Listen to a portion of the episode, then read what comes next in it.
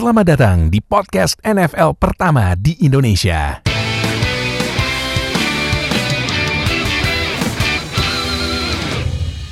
Baik sama gue Valia, host kalian di Zero Knowledge Podcast.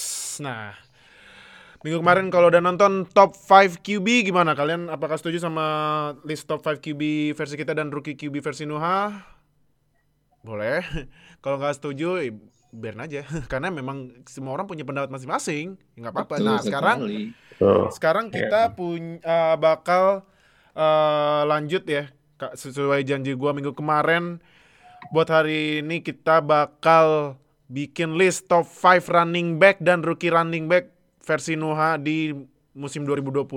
Nah, jadi kalau sekarang yang out eh, lagi injured reserve itu si Fadil Ohio karena ya biasalah ada kepentingan lain nggak apa-apa nggak apa-apa Nah, kita nggak maksa selalu Lagi masuk IR. Ya lagi masuk IR lagi, lagi dipijit di ini di Haji Naim. Nah, jadi eh, ya sekarang kita bareng sama bentar.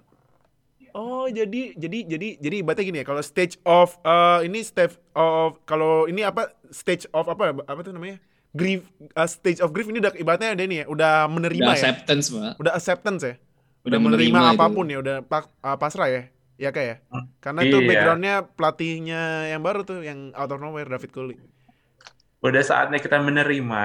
Oh. Kadang kan emang kita harus rada-rada denial dulu karena Oh, kita menerima juga berarti JJ Watt akhirnya desain sama Oh iya breaking ya? news baru inget gua ya ya breaking news tuh JJ Watt tuh ke Cardinals gimana tuh balik lagi sama si apa si pesakitan satu lagi si pesakitan bukan pesakitan sih sakit hati sih sakit hati ya seneng aja. Ya, walaupun Seneng Eh, aja. karena pun juga gimana ya? hmm. Gue dulu kan emang suka Texans gara-gara JJ Watt. Tapi Iya. tetap aja eh, kalau sekarang gue nggak tetap nggak akan pindah ya. Ya, walaupun emang udah dirayu-rayu sama Hopkins sama JJ Watt di Cardinals, ya cuman ya tetaplah kayaknya lebih mending stay aja kali. Cie, cie, Siapa- setia, Siapa cie. siapa siapa tahu bisa sneak into the playoff loh, karena divisinya ini lagi lagi enteng-entengnya. Hmm, lagi enteng-entengnya lagi enteng-entengnya Eh, Walaupun ada- gua- walaupun ada ada one of the greatest quarterback ever Carson Wentz Bismillah aja. Bismillah aja ya, Cie, cie, setia, ilah.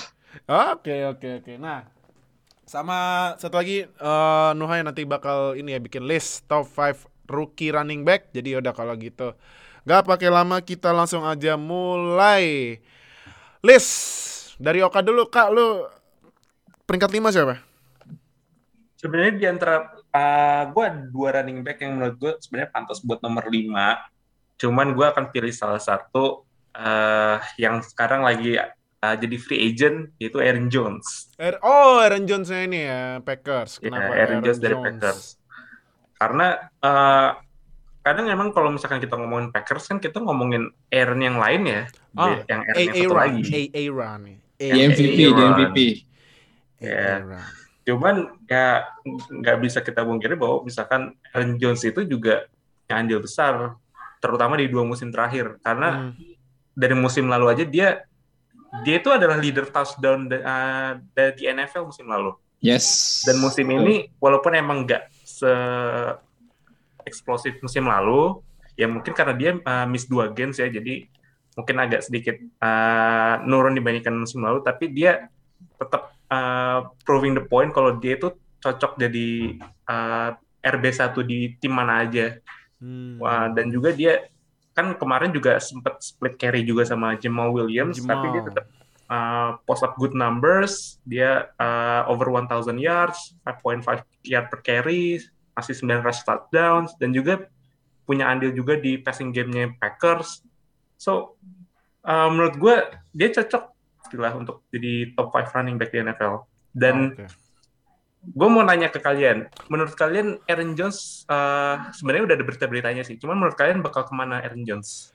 Aaron Apakah Jones. Packers atau pindah ke tim lain? A Aaron Jones. Aaron Jones. Kayaknya gue bakal kalau menurut gue ya. Kayaknya bakal ditahan tapi Jamal pergi. Hmm, Cuman resikonya ada AJ Dillon yang yang rookie, contract. hmm, Nah, iya. ya kan?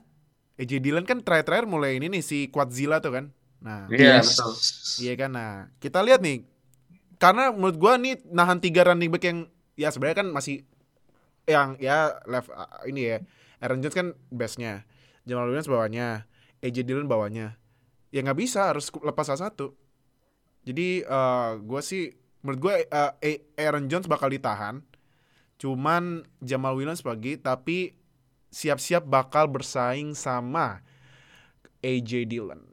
Kalau gue itu. Gimana kalau lu, lu Nuh? Kalau gue sih lebih kayaknya gue lebih punya lebih punya feeling kalau Aaron Jones bakal pergi ke tim lain. Karena Siapa kan timnya? ada rumor yang rumor kenceng kalau misalnya Aaron Jones bakal bu- bukan bakal sih mau sign ke Miami Dolphins karena di Dolphins sendiri pun memang sebenarnya running back mereka apa gua rasa musim lalu musim 2020 tuh agak fail ya mereka signing Matt signing entah itu sign eh trade trade-nya Matt Breida itu nggak terlalu sukses karena Matt Breida out, out kalau nggak salah out of season karena injured jadi mereka lebih ngandelin Miles Gaskin sama Salvon Ahmed yang undrafted rookie. Jadi gua rasa mereka harus punya running ya at least, at least running back yang capable, yang reliable buat all season long. Jadi Aaron Jones bisa jadi masuk akal buat ke Dolphins. Hmm. Ke Dolphins ya. Dolphins juga cap spesial lu- masih lumayan banyak gitu. Yes. Iya, lumayan. masih. kan? Iya, jadi wah bisa bisa jadi ke Dolphins ya. Oke, oke, oke. Berarti kalau gitu Patriots makin merana dong. Jangan merana bahasanya. Gak apa-apa. Patriots masih ada running back yang lumayan lah mereka. Ya Oh. masalahnya wide receiver mereka. Oh iya iya. Oh iya benar benar. benar. Oke, nah kalau gua peringkat lim, aduh, kak, kak kayaknya kita sama deh kak. Kayaknya ya. Hmm, Kayaknya loh. mungkin ya. Kayaknya Mungkin bakal kayak quarterback kemarin ya. Iya, kayak Tapi kita ya, agak-agak kayak enggak tapi tapi gue feeling kita kayak- kayaknya bakal sama. Cuma karena cum- eh, karena peringkat 5 gua juga Aaron Jones. Nah, gini ya. Pasti lu lihat stats Jonathan Taylor lebih tinggi daripada Aaron Jones. Ya Jonathan Taylor kan bagusnya terakhir-terakhir. Ya. Gitu. Jadi stats itu stats itu memang gak bohong. Cuman lu harus nge-breakdown lagi gimana cara dapetin statsnya. Betul. Gitu. Stats emang gak bohong, cuman lu harus harus tahu dulu gimana cara dapetinnya gitu. Ya sama Dan aja kayak Aaron Jones itu juga split carry sama Jamal Williams sama AJ Dillon. Nah. Sedangkan Jonathan Taylor emang porsi carry-nya lebih banyak dibandingkan Aaron Jones. Nah, sama aja kayak lulangan dapat nilai 100 ya nilai nggak bohong. Nah, tapi gimana cara dapetin 100-nya? Nyontek apa gimana? Gitu. Hmm, hmm. Gitu. Nah, jadi gua nomor 5 Aaron Jones karena ya bener bener kata lo sih Kak. Karena em, ininya apa? Dia bisa mensupport eh, Aaron Rodgers. Kalau misalnya nih, misalnya misalnya kayak kemarin tuh ke pas Davante out. Nah, Aaron Jones kan sempat jadi receiving running back kan dan lumayan juga loh. Ya kan? Hmm. Plus Iya, ditambah. Bagus. OL-nya yang musim ini tiga ya David Bakhtiari dulu tahu udah tahu lah ya. Ya kan? Iya, ada dua offensive Ada line lagi yang Corey Linsley masuk All Pro. sama satu Iya. lagi siapa sih left guard Yang pertama kan uh, David Bakhtiari di posisi tackle sama Elton Jenkins di posisi guard. Ah, kalau Elton tiga, Jenkins kalau ya. tiga tuh di Cleveland Browns. Kalau tiga. Oh iya iya iya benar benar benar. Nah, Ya. jadi Aaron Jones selain menurut gua larinya juga lumayan bagus karena dia juga bukan asal hantem ya. Itu kan running back yang masih Iya, iya. lari walaupun mau lihat lihat lihat dia lihat ruang dulu, nah langsung belok kan. Gak kayak James Conner, najis. Nah, nah eh jadi eh, memang gue udah merhatiin Aaron Jones sejak dia musim kedua. Kalau rookie kan dia sempat kena ini ya, kena ban ya.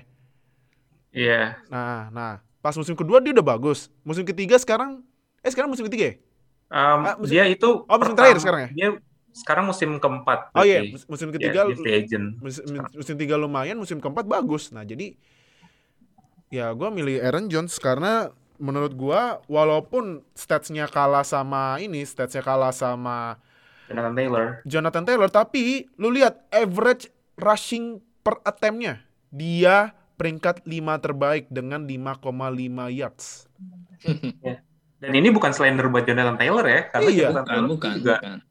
Dan Nah. uh, Jonathan Taylor tuh bisa jadi running back yang dicari sama pemain-pemain fantasi soalnya. Bener. Iyo, itu. Jadi ya, Cuman gua- ya mungkin Aaron Jones karena porsinya lebih sedikit tapi statnya hampir sama jadi kita mungkin naruhnya di nomor 5 dibandingkan Betul. Jonathan Taylor. Nah, Jonathan Taylor memang average-nya average rushing per attempt-nya average rush yards per attempt-nya 5,0. Cuman ya ya di apa dan walaupun dia long yardnya 62 yards terus si Aaron nah Aaron Jones aja long yardnya 77 yards loh. Nah, berarti kan emang udah disupport sama OL-nya yang bagus kan ya. Walaupun cuma beda 15 yards tapi lumayan loh 77 yards. Nah. Jadi eh ya gua pilihnya nah yards per gamenya ini eh Aaron Jones memang 78,9 ya kan. Terus si siapa? Jonathan Taylor Jonathan Taylor beda beda, beda dikit tuh 77,9 cuma beda 1,0 cuman ya ya lagi-lagi gue bilang Jonathan Taylor itu bagus pas di pas quarter terakhir musim Yes. Iya, betul. iya kan?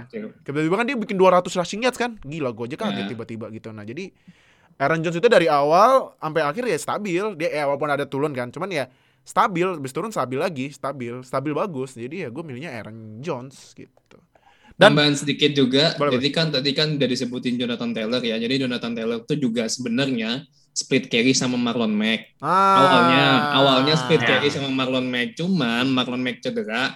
Nah akhirnya Jonathan Taylor jadi primary running back mereka. Hmm. nah ah ini Oh iya, gue mau nanya deh sama kalian berdua. Hmm. Lu, lu, lu berdua masukin ini nggak rookie di top list 5 running back kalian? Unfortunately no, enggak. Nggak ada. Makanya Oke. gue bilang sama Oka ini kayaknya mirip deh kak uh, list kita. Nah, Iya. tapi gue gua mau kasih tahu mau kasih tahu lagi ada satu stats yang menarik tapi pastinya yang udah nonton lama NFL pasti udah tahu. Coba tebak nih ya, sebut satu nama. Ini satu pemain yang memimpin average rushing yards per attempt dengan 6,3 rushing yards per attempt. Siapa tuh? 6,3. 6,3. Tebak aja. Nggak usah, nggak usah nyari, tebak aja. Chubb? Bukan, Karim Han. bukan. Mau tahu siapa? Lamar Jackson. Weh, iya juga. iya. Ya, jadi buat lu yang buat lu yang protes Lamar Jackson itu bukan running back, lah ini statsnya kayak gini, stats running back gimana dong?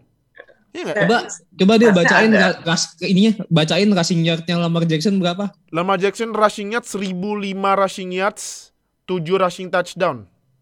Uh, man. Jadi ya, ya itu emang ya berarti kalau misalnya di disamain sama standar running back ya, ya lumayan lah 1005 ya. Lumayan lah. Ya, dia lebih kayaknya lebih tinggi dari beberapa RB1 di NFL Iya, ya. bahkan ya nih, gua gua gua sortir nih ya eh, rushing yards-nya Lemar. Rushing yards-nya Lemar ini kalau diukur Coba tebak peringkat berapa? Dia top 10 tuh, gua kasih list, eh, gua kasih clue. Lemar itu di ter- top 10 rushing yards tapi peringkat berapa? Langsung tebak aja. Sembilan. Atau Bener, sih sembilan, harusnya tuh. sih. Peringkat Oh. 9 deh. Iya. Peringkat 9. Jadi ya buat lu yang lagi-lagi terakhir dari gue kalau lu protes Lemar is not a running back, ya angkanya running back gimana dong? Dia lari, dia, Dia bawa lari. bola. Iya, Ya, makanya. running back tugasnya apa? Bawa Iya. lari, bawa bola. Iya makanya jadi ya udah Lamar Jackson is a running back udah Q, QRB udah nggak bisa didebat Iya. lagi. Quarter running back bener. Iya quarter running back nggak usah didebat lagi udah lu terima aja. Ya itu fakta sih. Ini Udah fakta sih. ya gimana dong. Nah, eh berarti ini ya eh, keempat gue ya. Iya. Gue keempat ya gue nggak tahu nih sama apa enggak ya. Gue tinggal nunggu reaksi lo aja deh kak. Keempat gue naruh Nick Chubb. Oh, Oke. Nah, Lu- Nick Chubb karena gua jujur gua rada kesel pas Steelers nggak ngambil dia. Aduh, toto diambil sama Browns dan memang produk running back dari Georgia Bulldogs itu sang, lumayan-lumayan ya. Oke oke. Oke oke. Nah, jadi eh, ini eh, Kama- Kamara itu bukannya ini ya? Volunteers ya? Tennessee Volunteers. Tennessee. Kam- Kamara Tennessee. ya? Tennessee. Nah, Tennessee. eh, Oh, oh iya, Nick Chubb. Oh iya, sorry, Nick Chubb Iya. ya. Nick Chubb 1067 rushing yards, 12 touchdown loh. Jadi menurut gua di saat Mayfield mandek ini offense-nya Nick Chubb yang jadi solusinya gitu. Walaupun dia ska- dia sempat split carry sama Kareem Hunt dan memang hasilnya juga dua berdua juga bagus tapi Nick Chubb ini menurut gua runningnya bener eksplosif banget. Di tackle susah. Dia kayak belut susah. Gede lagi badannya Licin, gede. iya juga. badannya gede lagi. Gocikannya juga mantap lagi. Jadi wah nih Cap dari se- dari semua Browns yang gue benci Nick Chubb sih yang paling yang gua apresiasi sih paling. Gitu. Sama sama OL-nya, OL-nya OL gue juga appreciate sih. Uh, Browns Iya keren banget. OL juga Iya, sih. OL-nya Browns aja ada yang masuk ini loh, masuk uh, All Pro kayak Betul. Jack Jack Conklin, Joe Bitonio, Joel, Bi- Joel Bitonio lagi. mm, White Davis. Ah, ah, guard. Wyatt Taylor. Iya. Wyatt Taylor. Wah, gila. Oh iya White Taylor. White Iya, Taylor, sorry. White Taylor, White Taylor. Jadi gokil emang kemarin Browns. Ya nggak, ya maklum aja tim gua dibantai di first quarter bego. nah, kalau coba kak, Gue juga punya firasat kalau misalkan nomor 3 sama nomor 4 kita tuh isinya dua running back yang sama. coba. Tapi gue akan, gue beda urutan. Oh. Gue akan pilih Alvin Kamara di sini. Oh, Alvin Kam. Oke, kenapa Alvin Kamara? Wah, nomor empat. Wah, wah, wah, wah. Wah, Here's the thing ya. wah, Here's wah, the thing. Gue masa- akan, eh, kenapa, kenapa? gue akan kasih argumen gue kenapa gue akan, gue sekalian ngomongin Nick Chubb di posisi 3 karena Alvin Kamara is a great running back. Dia uh, jadi main offense dari Saints itu udah dari mus- dari awal musim mungkin bahkan sejak dia rookie season. Oh, oke, oke, oke. argumen gue kenapa gue pilih Nick Chubb di posisi 3 over Alvin Kamara karena Nick Chubb dia miss 4 games. Mhm. Dia miss 4 games, dia cuma main di 12. Tapi dia uh, sempat uh, lead- uh, di peringkat 2 atau peringkat 3 dari rushing yards. Mhm. Dan dia miss 4 games. Dia miss 4 games. Sedangkan uh, Nick, uh, Alvin Kamara dia emang lebih ke kayak Swiss Army knife. Dia bisa dia dan juga dia adalah receiving back terbaik di NFL. Gua akan uh, gua akan kasih di situ. Mhm. But as a running back, gue lebih uh, gue appreciate banget sama Nick Chubb dari awal musim kemarin sam dari musim kemarin juga sampai sekarang itu dia tetap jadi salah satu running back yang awal-awalnya sebenarnya nggak terlalu banyak yang ngomongin. Cuman uh, as the season progress itu orang jadi tahu oh Nick Chubb ini adalah running back yang kita bisa bilang elit lah. Gue akan bilang bahwa dia elit. Oke. Oh, bu enggak enggak bukan elit ini. Eh, ini. Alvin apa Nick Alvin eh, sorry, sorry siapa? Jadi uh, Nick Chubb Nick itu gue Chubb. akan pilih di nomor 3, sedangkan Alvin Kamara di nomor 4. But it's close, dekat lah. Oh, berarti nomor tiga. Oke, oke, oke, oke. Oke, oke, oke, oke, oke, oke. Nah, tadi kan nomor 4 lo Alvin Kamara, jadi nomor 3 lo ini Nick Chubb ya? Iya. Kenapa Nick betul. Chubb? Oh, tadi uh, karena Nick Chubb juga tadi udah miss 4 games, dia masih uh, achieve satu uh, 1000 yards, Hmm. dia 12 rushing touchdowns. As overall, as a running back, gue lebih suka kalau misalkan Nick Chubb yang jadi red base satu gue dibandingkan Alvin Kamara. No Hmm. disrespect. Karena ya Alvin Kamara lebih kayak lebih dia lebih versatile, dia bisa passing, dia passing backnya termasuk yang paling bagus juga di NFL. Dan dia juga eh, as overall juga memang cocok di offense dari Sean Payton yang ngandelin short pass sama mid pass ya but I still, I still gonna pick just ah still gonna pick Nick Chubb sih Oh, oke, Nick Chubb ya. Oke, oke, oke. Berarti eh, peringkat 4 lo Nick eh, Alvin Kamara tadi ya? Eh nomor Alvin um, Kamara. Peringkat 3 4 Alvin Kamara peringkat 4 Ah, Alvin Nick Kamara peringkat 4 tiga. 3 Nick Chubb. Kalau gua peringkat 3 gua Dalvin Cook. oh oke Ah. oh ternyata beda ya Dalvin Oh, Cook karena Oke, Dalvin Cook. karena Dalvin Cook mungkin eh ini apa? Dalvin Cook ini eh dia kan sempat cedera ya. Gak main dua game. Cuman dari lihat dari total statsnya dia udah jaraknya sama peringkat tiga ya udah seri- eh, 400 yard tuh. Mm-mm. ya kan. Nah, terus eh dia dengan 16 total touchdown loh dan yards per gamenya 111,2 eh di ya walaupun Cousins ya lu- you, you know Kirk Cousins kan. on off on off on off on off mulu kan. Iya. Iya kan. Tapi di samping itu Dalvin Cook menurut gue motor serangannya motor serangannya Vikings. Di samping Justin Jefferson emang ya Justin Jefferson emang lagi eh, kemarin kan memang Ya kalau misalnya kalau misalnya kemarin Herbert nggak eh, Herbert nggak main tuh seharusnya Justin Jefferson yang menang gitu. Tapi menurut gua eh, Davin Cook sih. Dia walaupun dia walaupun cedera atau misalnya tembus gitu kan defense-nya tapi masih bisa ngegocek-gocek gitu sih. Gua Dalvin Cook. Eh peringkat dua lu siapa? Eh ini.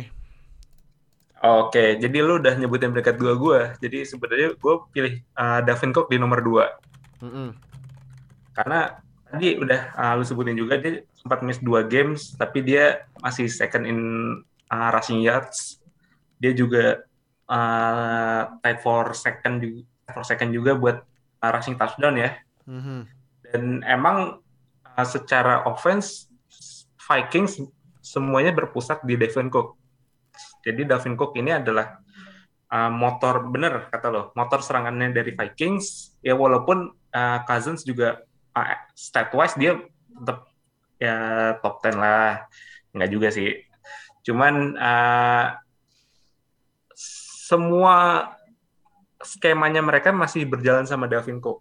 Mhm. dia juga uh, juga bisa main di uh, passing game dia juga wah, oke lah di, untuk di blocking juga. Sedangkan uh, dan juga dia uh, masih di 5 uh, point 5.0 uh, yards per carry juga. Jadi secara average dia tetap bagus. Dan juga dia adalah running back uh, nomor tiga terbaik menurut PFF Mhm. Hmm. menurut PFF. Jadi uh, gue tadi sempat uh, lihat juga. Jadi Davin Cook ini dia nomor 3 di PFF dengan 89 grade. Grade 89. Hmm. Yang pertama adalah eh, kita tahu siapa. Yang kedua itu ada Damian Harris. Ya walaupun sebenarnya mereka nilainya berdasarkan uh, small sample size gitu. Cuman kalau Davin Cook dengan dia uh, second leader di attempt juga, dia juga uh, great numbers, average-nya tetap bagus, dan dia juga bisa dibilang termasuk uh, sure-handed karena dia uh, fumble-nya ada lima, tapi uh, still uh, really good running back dan juga dia uh, sure-handed juga sih. Hmm, oke oke oke. Nah, oke. Ah, peringkat dua gua tadi kan tiga gua Dalvin Cook, kedua gua Alvin Kamara. Karena em, kalau menurut gua ya, kalau harus ditanya siapa running back yang paling serbaguna gitu? Mm. jawabannya Alvin Kamara. Karena dia running bisa nangkapnya juga bisa Sebenarnya ada satu jawaban lagi sih, cuman Apa? orang ini kan nggak banyak main musim ini kan cedera ya, Christian McCaffrey. Heeh. Ya, iya cuman cedera ya, Cedera, jadi nggak nggak kita masuk hitungan. iya nah Em, ini apa Eh, Alvin Kamara Alvin Kamara itu wah gila sih gua gua nonton dia main tuh gua gua heran deh dia lari pelan tapi efektif iya kan dia itu emang tipe elusive runner sih. Iya, Jadi dia- emang nggak ngandelin speed banget, cuman dia gocekannya bagus. tuh. Gocekannya Kalau- bagus Juk-nya bagus, juk juk juk move-nya, spin move-nya dia tuh bener-bener sih, bagus. iya. Udah gitu ya di ini kalau misalnya dari sisi nangkep bola dia kayak wide receiver loh gila loh. Gue sempat nonton dia semp- yang lawan siapa gitu. Dia dijaga sama linebacker masih bisa nangkep bola. Gila sih emang Alvin Hmm. Kamara. Yang waktu scoring 6 touchdown, eh, 6, 6 touchdown bukan sih? Bukan bukan ada lagi ada lagi Bukan ada ya? lagi beda ada lagi beda. Dia di di di sideline dia pasti landingnya kalau nggak salah eh, wheel route gitu. Oh, well, well, yeah. Terus dijaga sama line- eh, linebacker, dilempar bola da- Drew Drew Brees ke dia, nangkep gila loh. Makanya wah ini emang Alvin Kamara emang running back serbaguna. Ya walaupun lu lihat di stats ya, lu lihat di statsnya nih. Statsnya Alvin Kamara memang sangat jauh dibanding sama yang kompatriot kompatriot yang ini teman-teman teman-teman lagi buset nah nih yang lain maksudnya running back lain lu lihat aja nih bahkan Alvin Kamara aja rushingnya kalah sama Lamar Jackson lah Alvin Kamara aja 932 rushing yards tapi 16 touchdown karena ya terbantu sama 6 to- 6 touchdown pas di Christmas Day. Nah, lu lihat receivingnya ya. Nih. Receivingnya Alvin Kamara ini Alvin Kamara 756 receiving yards. Dan nih nih nih ya gua gua ada ada satu stats yang lumayan mind blown. Dia itu sebagai running back di target lempar ka- lempar bolanya betul nggak berapa kali? 107 kali. Itu Oh. Itu Iya. numbernya number Itu numbernya numbernya wide receiver receiver. sih wide wide receiver receiver. number. dari 107 kali ditargetin dia nangkep 83 yang berarti kalau gua hitung dia itu menangkap sekitar 77% dari lemparan bola QB-nya Saints. Ah, Gokil ya. Hmm. Makanya jadi dan ini juga Alvin Kamara bikin tuh Alvin Kamara bikin eh sorry Alvin Kamara bikin 5 receiving touchdown yang kalau standar running back gede loh Tinggi itu lima. gede itu 5 jadi eh itu karena itu gue naruh Alvin Kamara di nomor 2 gitu. Dan gua kan tambahin dikit lagi deal. Mhm. Uh, di- dibandingkan sama running back lain, eh, RB-RB satu lain kayak Dalvin Cook, terus juga uh, Aaron Jones, Nick Chubb, Jonathan Taylor, dia touch-nya nggak begitu banyak untuk touch-nya. Touch itu maksudnya dia uh, rushing sama receiving sama receiving catch-nya nggak begitu banyak. Mhm. Tapi dia lead, lead- uh, dia mimpin di NFL untuk yards per touch 6,3 ah dan dia adalah nomor tiga di yards from scrimmage. Aha. Jadi uh, receiving yards ditambah rushing yards, dia nomor tiga di NFL dengan 6 1688 yards. Mhm. Dan dia juga led the league di uh, total touchdown. Total touchdown itu dia uh, receiving touchdown 21 ditambah rushing touchdown, dia ada 21. 21 Heeh.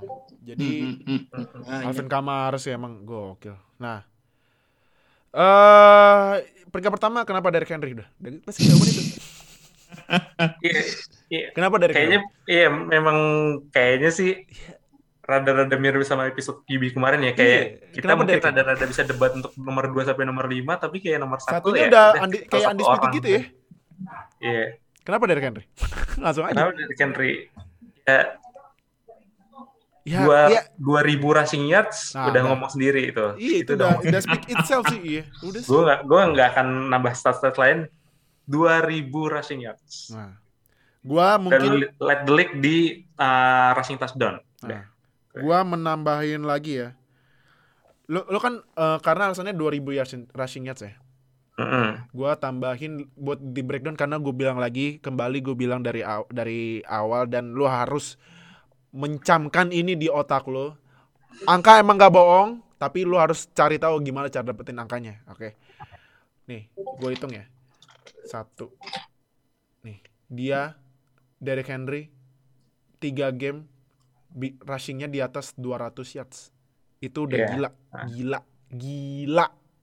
Dan Dan di pos salah satu posnya CBS Sports juga dia bilang kalau misalkan beberapa Hall of Fame running back itu cuma punya dua sepanjang karirnya mereka. ini Dan Derrick Henry Derrick. Henry punya tiga di musim ini. Bu- Musim Ya, kemarin juga sempat sama tim gue. Iya. Eh! Soalnya sama- Ah, oh iya, gue tadi mau bilang, Hmm. untung lu udah udah memancing karena eh, rushing yards terbanyaknya Derrick Henry dalam satu game itu lawan Texans 250 rushing yards. Hancur emang defense-nya hancur. Aduh, hancur ya. Apalagi yang apa namanya yang dari 90 apa 90 90 yard itu ya. Iya. Aduh, wuh. 90 94 yards loh. Nah, terus juga kalau gua note dikit, eh musim kemarin pas 2019 dia juga bikin sempat bikin 200 rushing yards lawan Texans lagi. Gue gue speechless man, gue speechless. Jadi ya ya ya. Dan ditambah lagi, lu lihat kan Derrick Henry udah bikin dua orang, Mental. Mental. udahlah itu gila sih dia Steve dia latihan apa? Eh, gue nonton dia workout tapi kan kebanyakan workoutnya lower lower body ya, tapi tangan itu gimana caranya bisa, uh gitu sampai orangnya mental loh gokil Derrick Henry emang. Apalagi lu bisa nemu running back yang tingginya uh, 6 foot 3. Iya loh, six foot three loh. beratnya lebih dari uh, 110 kilo Hmm, dan dia bisa lari uh, di bawah 4.5 di bawah 4 ya di bawah 4,5 malah. Gila kan emang. Udah Gitu. gitu lari rambutnya gitu kayak kayak, kayak ekor ya, nyiu, tapi eh, kaku, Nying, nying, nying, gitu. Derrick Henry benar-benar mematuhi protokol kesehatan berarti. Eh, Sampai didorong pergi loh. Iya, itu tetap menjaga eh, ini ya, menjaga jarak gitu ya. eh, Jadi emang emang no doubt sih running, uh, best running back in 2020 is King Henry. Nah, itu top 5 running back versi kita berdua. Sekarang kita langsung ke Nuhano. Top 5 rookie running back versi lu peringkat 5 siapa?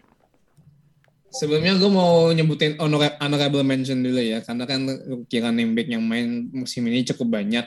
Dan apalagi kan dari undrafted juga banyak juga nama-nama yang muncul out of nowhere.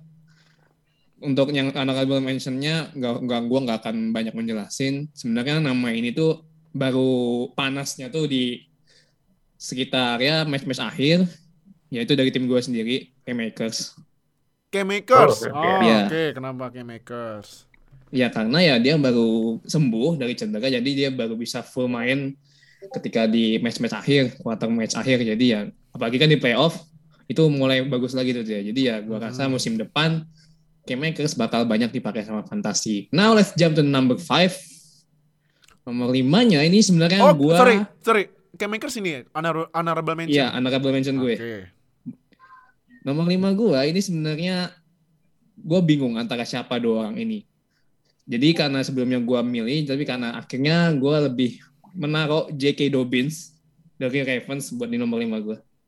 J.K. Dobbins, Ravens ya? Iya. Kenapa J.K. Dobbins? J.K. Dobbins ini dia baru nyet, baru bukan baru nyetel stat stat wise baru produce itu baru mulai dari week 11 dan dia ini adalah dia kan bikin 9 touchdown ya dan dia itu big rookie yang bikin touchdown terbanyak di bawah 140 carry. Jadi kalau misalnya nggak tahu carry itu apa, jadi carry itu adalah jumlah apa jumlah bola yang dibawa sama running back. Nah, dia kan dia totalnya 140 carry, tapi dia bikin 9 touchdown. Mhm. Itu walaupun dengan porsi yang porsi bawa porsi ngebawa bola yang sedikit itu, dia bisa bikin 9 touchdown. It's really something gitu. Dan dan juga Mark Ingram itu kan akhirnya dia mulai mulai tersingkirkan nih di Ravens dan sampai akhirnya dia di-cut. Di-cut ya. Nah, gue berharap nanti di 2021 workload-nya J.K. Dobbins bakal lebih banyak lagi dan otomatis Dobbins ini bakal menjadi primary running back. Oh sorry, bukan primary, second running back. Oh. Ravens. Oh, Oh. Gue gue paham maksud tuh. Emang emang emang emang emang gitu emang benar. Se- Karena primary running back-nya yang selalu men- menangkap snap pertama.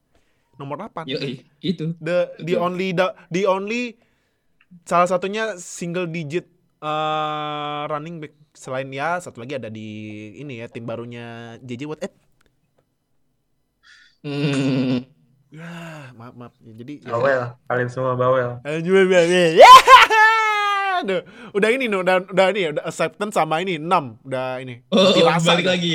Udah 6 latih rasa. ya, lanjut lanjut lanjut. Now let's go jump to number four. Kalau nomor empat, mungkin lu semua bakal kaget sih gue bakal nyebut nama ini. Siapa tuh? Nomor empat gue Clyde Edwards Hiller. Uh, Oke. C. Kenapa C? Ya, karena ini menariknya. Oke di awal, di awal ketika seharus ini clue-nya gini aja. Seharusnya yang menjadi the best running back in this draft itu yang seharusnya di pick pertama itu bukan Oh. Clyde Edwards Hiller. Oh. Seharusnya lah ya, seharusnya Jonathan Taylor. Oke. In my opinion and work apa namanya dari ya selama dia di college bagaimana seharusnya memang Jonathan Taylor yang nomor satu. Cuman akhirnya kan ya Clyde Edwards Hiller yang di pick di round pertama emang di awal bagus.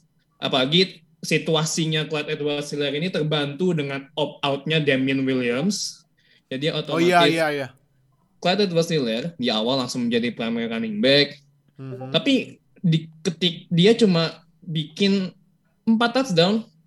Jadi kayak orang tuh kayak gue tuh kayak mikirin itu ba- apakah bakal jadi bust karena selain karena running back mereka tidak apa running offense Chief itu nggak terlalu banyak diutilize kan terlalu ya maksudnya Mahomes pun juga walaupun ada running back kayak C dan apalagi kan juga akhirnya kan ada Le'Veon Bell jadi carry-nya kebagi lagi, ke split lagi. Dan Chiefs tuh masih terlalu dependent sama passingnya game passing gamenya ya. Mhm. Ya, maksudnya lu punya weapon kayak Tarek Hill, Travis Kelsey, ya otomatis lu nggak akan melupakan dua orang itu dong.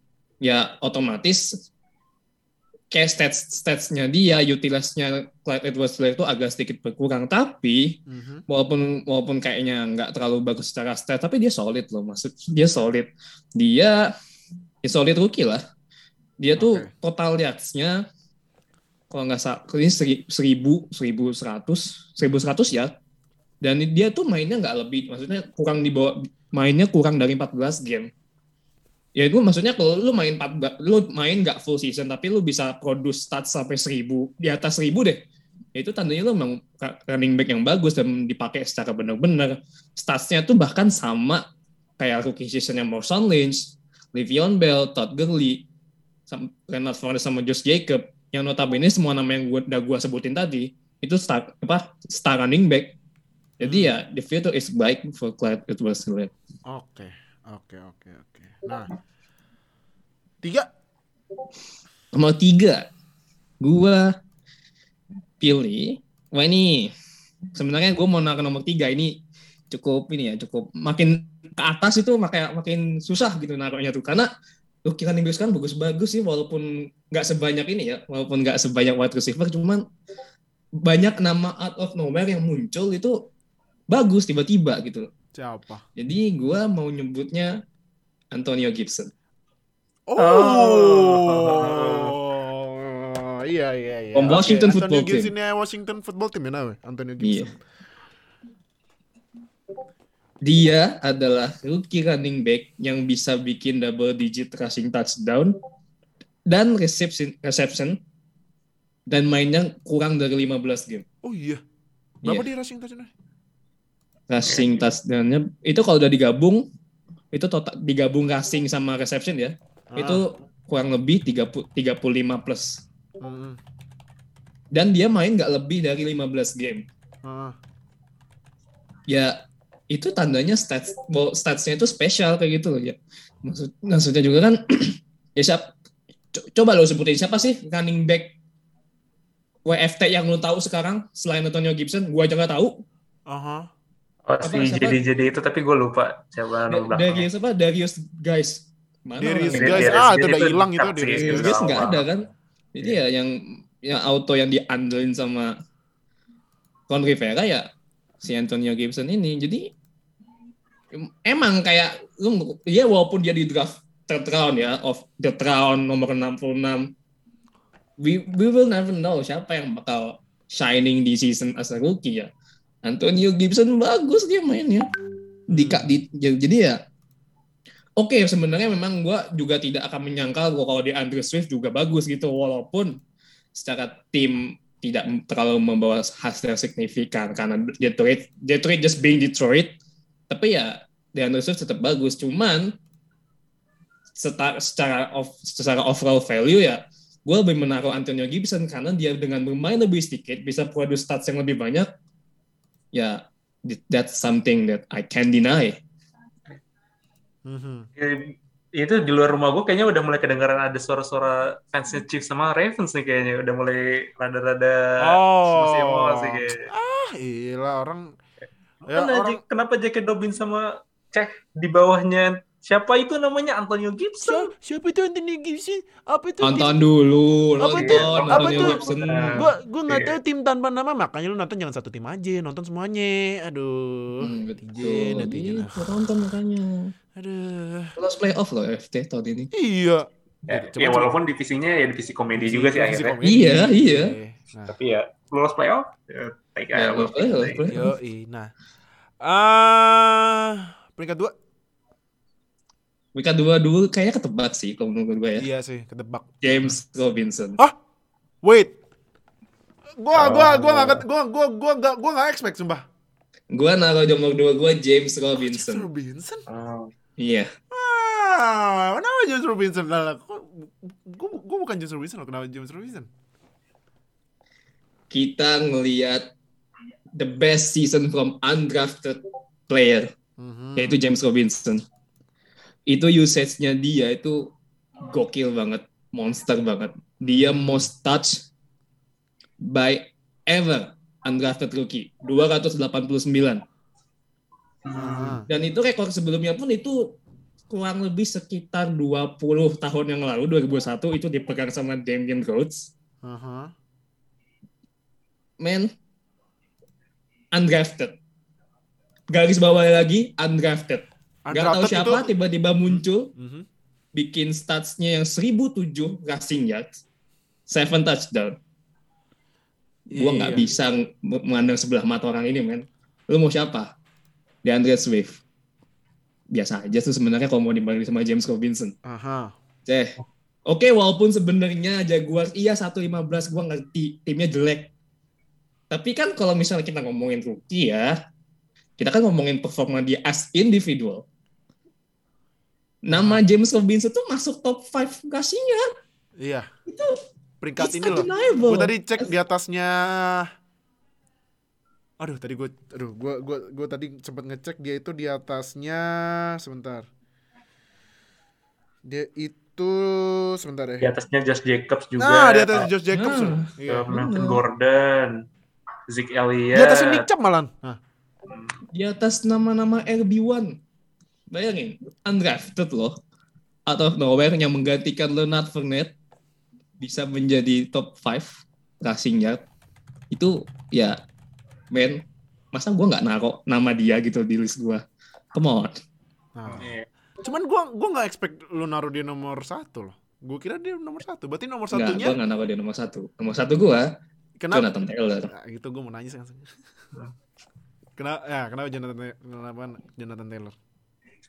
Jonathan Taylor ini case-nya memang agak ini agak unik ya karena memang dia baru bukan baru bukan baru sih lebih tepatnya sebenarnya dia kan memang di, di setel sebagai second running back setelah Mar- apa setelah Marlon Mack tapi Marlon Mack cedera tiba-tiba di week 2 kalau nggak salah di week 2 cedera Taylor langsung dimainin menjadi primary mereka dan ya he he excel as what we expect as a rookie running back itu Hmm. dengan physically yang buff kayak gitu yang gede dan dia juga sebenarnya nggak dibilang elusif enggak power back pun juga enggak he Hmm. could be both receiving oke ya walaupun receivingnya bukan tergolong elite ya tapi bisa gitu Hmm. rushing yardnya dia 1169 yard dan 11 touchdown dan ya dia bikin 19 rushing touchdown as a rookie jadi ya mau maupun gitu dan benar-benar diutilize dengan baik ya